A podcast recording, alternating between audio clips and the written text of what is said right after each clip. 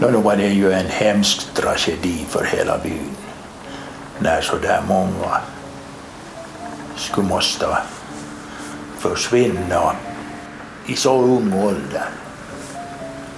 Det var ju ändå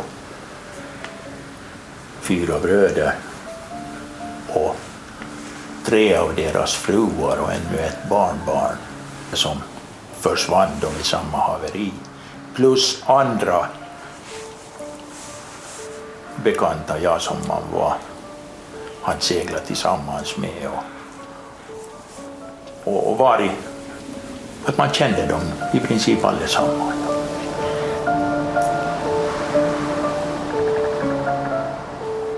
Natten mellan den 25 och den 26 oktober 1968 förliser fartyget MS Irma på norra Ålands hav.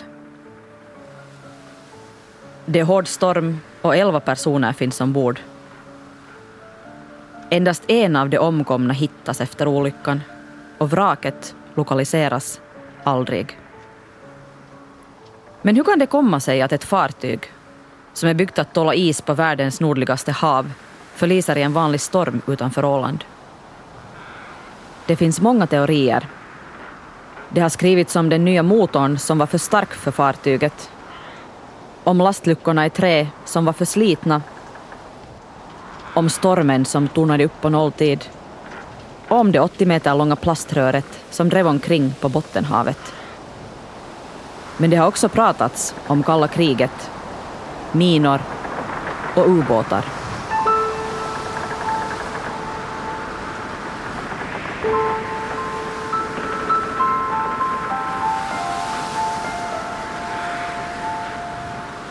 Du lyssnar på Svenska Yle-podcasten Mysteriet Irma. En podcast om fartyget MS Irma som försvann en stormig natt och tog åtta medlemmar av familjen Grönqvist med sig. Ännu idag, 50 år efter tragedin, söker familjen svar på vad som egentligen hände.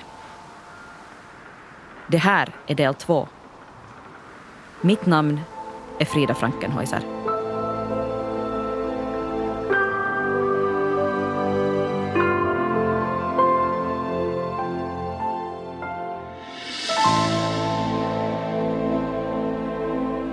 Spaningarna efter den försvunna 500-tonnaren Irma med 11 man ombord fortsätter oavbrutet. Vädret på området där Irma befaras ha gått under är mycket dåligt. Tidigare meddelade... Och det som var det sorgliga också så skulle de vara in på lördag morgon och gänget var beställt och kom ner och skulle lossa. Men båten var inte där. Men det kom inga fram liksom. Mäklarkontor och allt var också stängt på lördagen sen. De hade beställt, skulle lossa det där på övertid på lördagen. Att de bara skulle slippa igen till stick iväg. Nå, så, så blev det inga anmälan sen förrän på måndag morgon när, när, när Sandberg kom till jobbet. Då så, så, så sa han att, så slog han larm då liksom att nu, nu är det nog något, hänt någonting. Nu kunde man ju vara bort någon timme och ankra om det var hårt väder. Och, men, men, men det var för lång tid, lång tid till alla. Lördag morgon till måndag. Så då låg ju den där flottan dit och åka också i flera dygn. Ut och in att man har hittat det på sådana ställen som inte båten egentligen går aldrig liksom. Det är den far med strömmarna dit. Det säger Bengt Grönqvist. Han nås av beskedet när han är i Manchesterkanalen i England. Han är en av tre bröder som inte är med på Irma under hennes sista resa. Bengt har under tidigare år varit kapten på Irma men jobbar på ett annat fartyg, Svanborg, då olyckan sker. Svante Grönqvist är småkusin till de sju bröderna. Han är också sjöman och tidigare skeppare på Irma. Det var helt andra tider. Nu för tiden om man är två, tre timmar med de här Juppi-telefonerna och grejer så får man ju reda på. Men inte ringde vi ju ett samtal vi heller fast vi ju blev, vi skulle vara till måndagsmorgon ner till, till, till det här och börja lasta i Sverige. Men vi kom till måndagskväll, men inte hade vi ju meddelat åt någon där på lördagen och söndagen, utan på måndagsmorgon ringde man till mäklaren och sa att nu är vi nog för sena, att vi fick så dåligt väder. Och då fick man ju en jävla skopa ovett emot sig. Att nu är det nu väl fan att de andra har gått och ni ligger och gömmer er.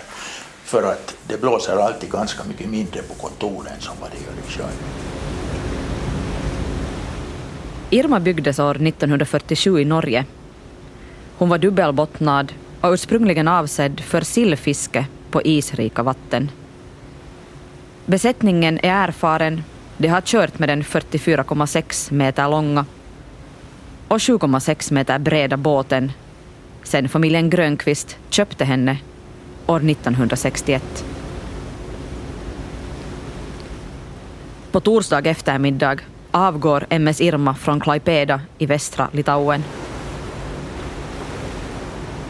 Sedan fortsätter resan mot Raumo på finska västkusten. Planen är att gå väster om Åland, via Ålands hav och upp i Bottenhavet. På lördag morgon ska de vara framme. Då ska några från besättningen få ledigt.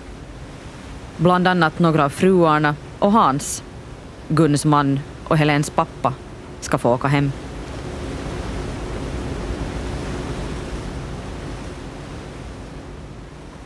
Men något oväntat händer på väg mot Raumo. Och efter klockan nio på fredag kväll finns det inte längre kvar några spår av fartyget.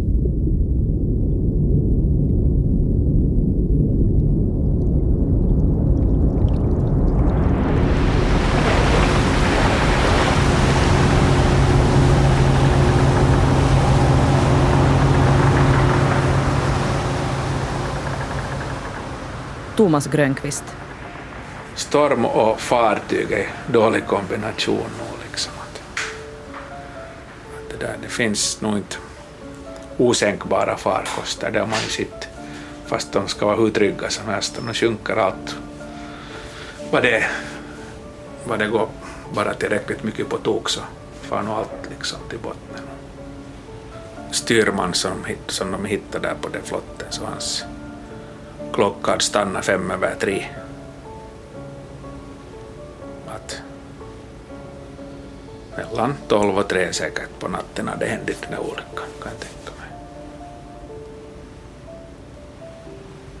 För de hade byte, vaktbyte var klockan tolv.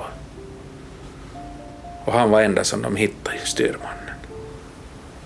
De andra låg säkert och sovde eller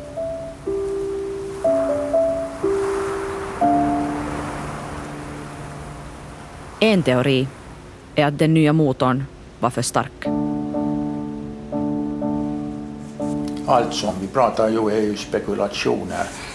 Men min uppfattning är, vi var alla utav den uppfattningen som hade seglat med Irma, att hon kan inte, det finns inte så mycket vind här i de här trakterna om den är bakifrån, att hon inte klarar sig. Men det var ju en annan sak att när vi seglade där, Pino och jag, så gick hon åtta knop. Nu hade de en ny maskin in och kom upp till tio knop. Och om de inte sakta då så finns det en risk att hon åt ner sig så pass djupt att luckan blev helt under vatten med påföljd att det blev tryck underifrån och luckan slog upp med en gång och då går det väldigt kvickt att hon sjunker. En annan teori är att de slitna lastluckorna gav vika. Det var ju lite så med Irmas träluckor. Man använde dem väldigt mycket. Varje gång som man lastade och lossade så skulle man ju ha avplockat dem. Och man körde ju normalt sådana laster som inte var så ömtåliga för vatten heller som man luckade på naturligtvis och satt sina presenningar men man gjorde inte lika omsorgsfullt som om man skulle ha vid en last av typ papper eller någonting annat. Och den här antraciten var ju inte minsta ömtålig heller för, för överspolande vatten eller regnvatten. Så det finns en chans att det inte var riktigt så hundra procent sjösäkert gjort när man gick från Klaipeda utan man räknade med att vackert väder är det och lasten är inte ömtålig så vi lägger nu bara fast kilarna och men kanske fuskar fast med silbommarna som sen skulle vara ännu överlasten. Eller över luckan, ja. Men det där, det där vet vi att, att luckorna ju blev slitna när man kastade dem av och, och, av och på där och man hade ju inte förnyat luckorna men heller på många år, inte att de var lite slitna. Men de var nog fullt bra vad man gjorde omsorgsfullt. Men brott var det nog när de skulle lossa klockan sju på morgonen och gänget var beställt och, och det skulle betalas när de en gång var beställda där. De skulle nog ha sin sitt så, så det var nog liksom brist på tid då.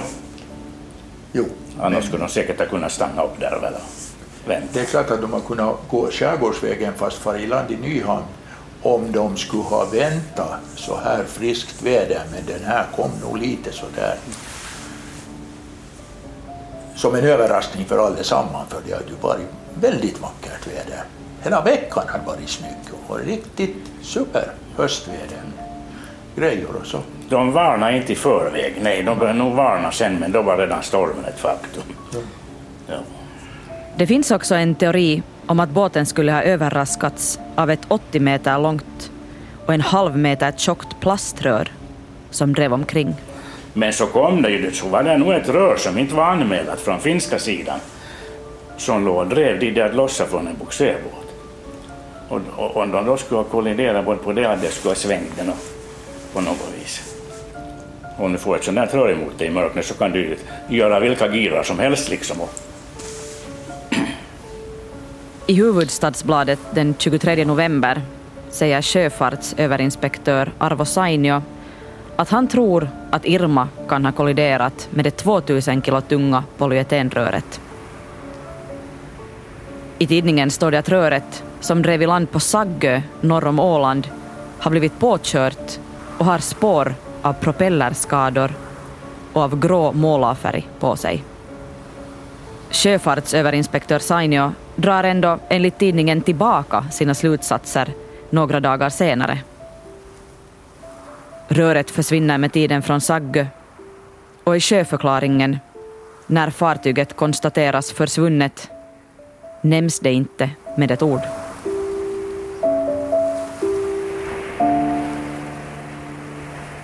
Thomas Grönqvist, som har intresserat sig för händelserna kring Irmas förlisning i många år, säger att det finns lika många teorier som det finns berättare.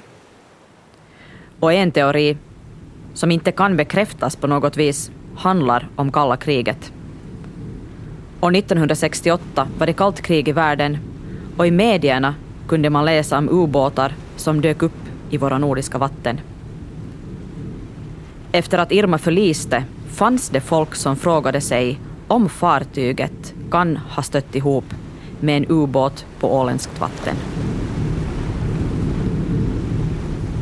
Så finns det så mycket vilda teorier till och med. Att, att det där att de har kört i kollare fast med en ubåt eller blivit kör på en mina eller och det där med minor, det, det, det var nog det fanns nog minor och finns ännu till och med. Att mamma och pappa de var på en, på en fraktfartyg var det 1961 och då var de riktigt nära till att köra på en sån här mina som det där som hade kättingen rostat, den flöt upp till ytan och de var bara var det en par meter från.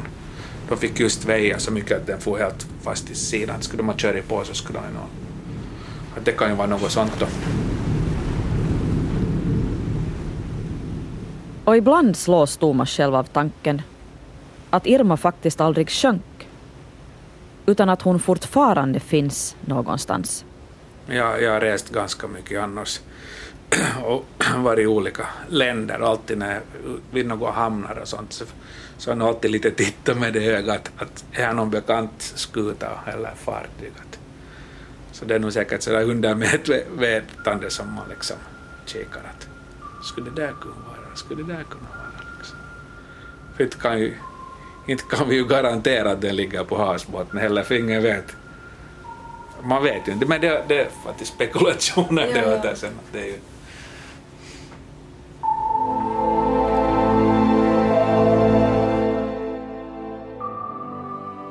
Året är 1968 och hemma i Vålax måste livet fortsätta. Också för Gun Grönqvist, som nyss blivit änka med tre små barn. Huset ska städas, mat ska lagas, vatten bäras, och kläder tvättas. Men det var ju den här första tiden just med det här, de här tankarna då man liksom inte hade, jag hade ju ingen inkomst. Och med tre små barn, ingen bil och jag måste söka jobb. Alltså hur, ska jag, hur ska jag göra, hur slipper jag någonstans? Det var kanske lite bättre busstrafik som nu.